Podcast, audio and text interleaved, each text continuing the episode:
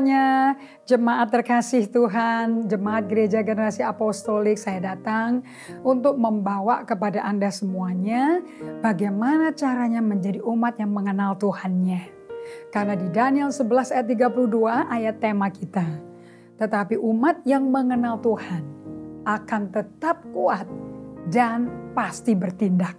Atau kalau saya pakai di English Bible, dikatakan bahwa Those who knows the Lord, saya pakai ESV ya.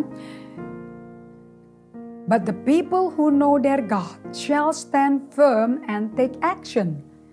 Gak mungkin pasif, gak mungkin bingung-bingung, gak tahu mesti ngapain. You will take action. Kalau Tuhan sudah ngomong, pasti kau akan melakukan tindakan, bisa melakukan berbuat sesuatu, udah pasti tahu. Karena orang yang mengenal Tuhan, those the people who know God know what to do.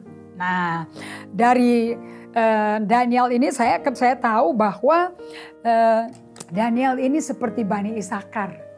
Dia kenal Tuhan yang bisa merubah waktu dan masa, bisa nyala, dia tahu waktu transisi peralihan waktu dari Raja Saul kapan masuknya Raja Daud dan dia tahu kenapa mesti Daud yang naik karena Tuhan telah nubuat dia, dia telah menyediakan orang bagi dirinya sendiri yang memiliki hati berkenan pada Allah. So semuanya ini Bani Isakar know very well. Daniel ciri-cirinya sama kayak orang-orang Isakar ini. Oke, okay? orang-orang yang betul-betul spiritually astute, secara rohani cerdas dan tajam. Oke, okay? uh, eh, mereka mereka dekat sama Tuhan. Oke, okay. so kita mengajarkan pada Anda lima step bagaimana Anda menjadi umat yang mengenal Allah karena Tuhan suka umat yang mengenal Allah. Pakailah waktu lockdown ini menjadi waktu Tuhan to lock you in. Untuk Anda di lock in oleh Tuhan supaya you know God and you be strong and do exploit. Amin. Nah kita belajar kemarin bahwa ada empat poin yang saya sudah bagikan. Nomor satu untuk mengenal Tuhan, upaya untuk memulai pengenalan itu dari Tuhannya. Dan pada waktu Tuhan sudah meng menginisiatifkan untuk memprompting Anda, mengundang Anda tiba-tiba Anda kepi, ke, keinget rasanya kayak kepingin doa gitu loh. Itu Tuhan yang mengundang. Remember the book yang saya perkenalkan pada Anda semuanya? Get this book. Okay? Invitation to Retreat dari Ruth Haley Barton top notch, oke. Okay? Tentu yang kedua adalah buku yang saya selalu pakai setiap hari, Emotionally Healthy Spirituality dengan buku alatnya day by day atau saya sebut mini sabat ini digabung berdua, oke, okay, you will be having experience dengan Tuhan daily. Dan setiap hari Anda ketemu dia 4, 5, 6 kali. Karena orang yang yang baik sama Tuhan dikatakan di Mazmur 16 ayat 11, Daud berkata, "Eh, di hadapan Tuhan ada sukacita." Di tangan kanannya ada kenikmatan luar biasa. Jadi Anda kalau, kalau mau, mau berdoa udah excited. Kenapa? There'll be joy. There'll be pleasure forevermore. Oke, dan Anda juga miliki buku dari Max Lucado.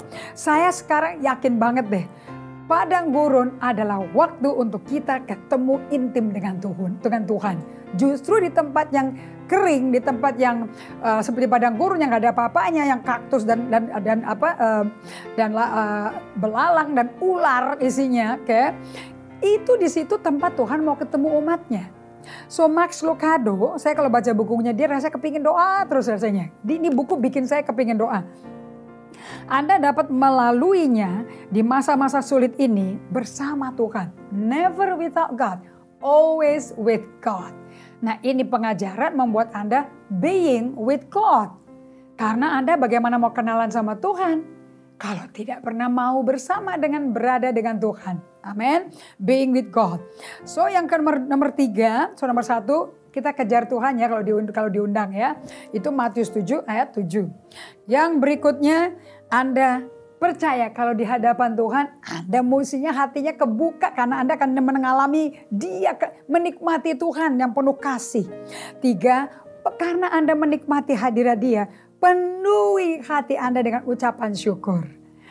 Karena ucapan syukur itu membuat Anda kepingin dekat dengan Tuhan dan kepingin merenungkan kebaikan dia. Dan waktu Anda merenungkan kebaikan dia tentu melalui Alkitab Anda akan renungkan kebaikan-kebaikan dia. Right? Nomor empat seperti Daud. di orang yang mengenal Tuhan, yang mau kenal Tuhan dengan dekat, they strengthen themselves in the Lord. 1 Samuel 30 ayat 6, Daud memperkuat kepercayaannya di dalam Tuhan.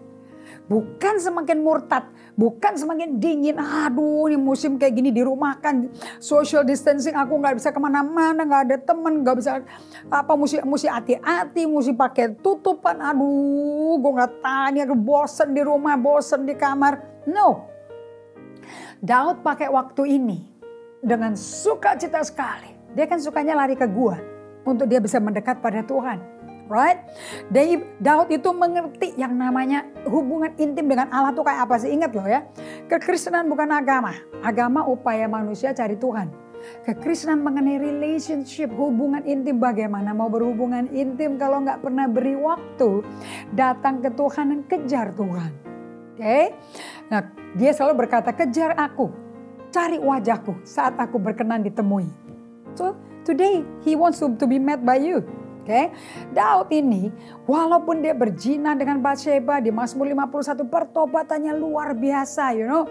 Sampai dia walaupun diampuni segala macam tetap yang menjadi kunci daripada Daud adalah hubunganku sama Tuhan jangan hilang.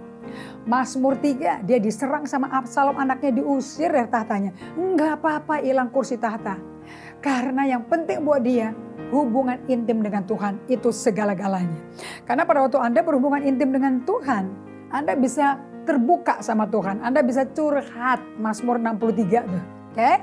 ayat, ayat 1 sampai 3 dan terutama ayat 8 di mana Daud sungguh-sungguh ngejar Tuhan dan di tengah-tengah musim seperti ini yang dia pentingkan adalah membuat hubungannya dengan Allah Bapa itu semakin solid.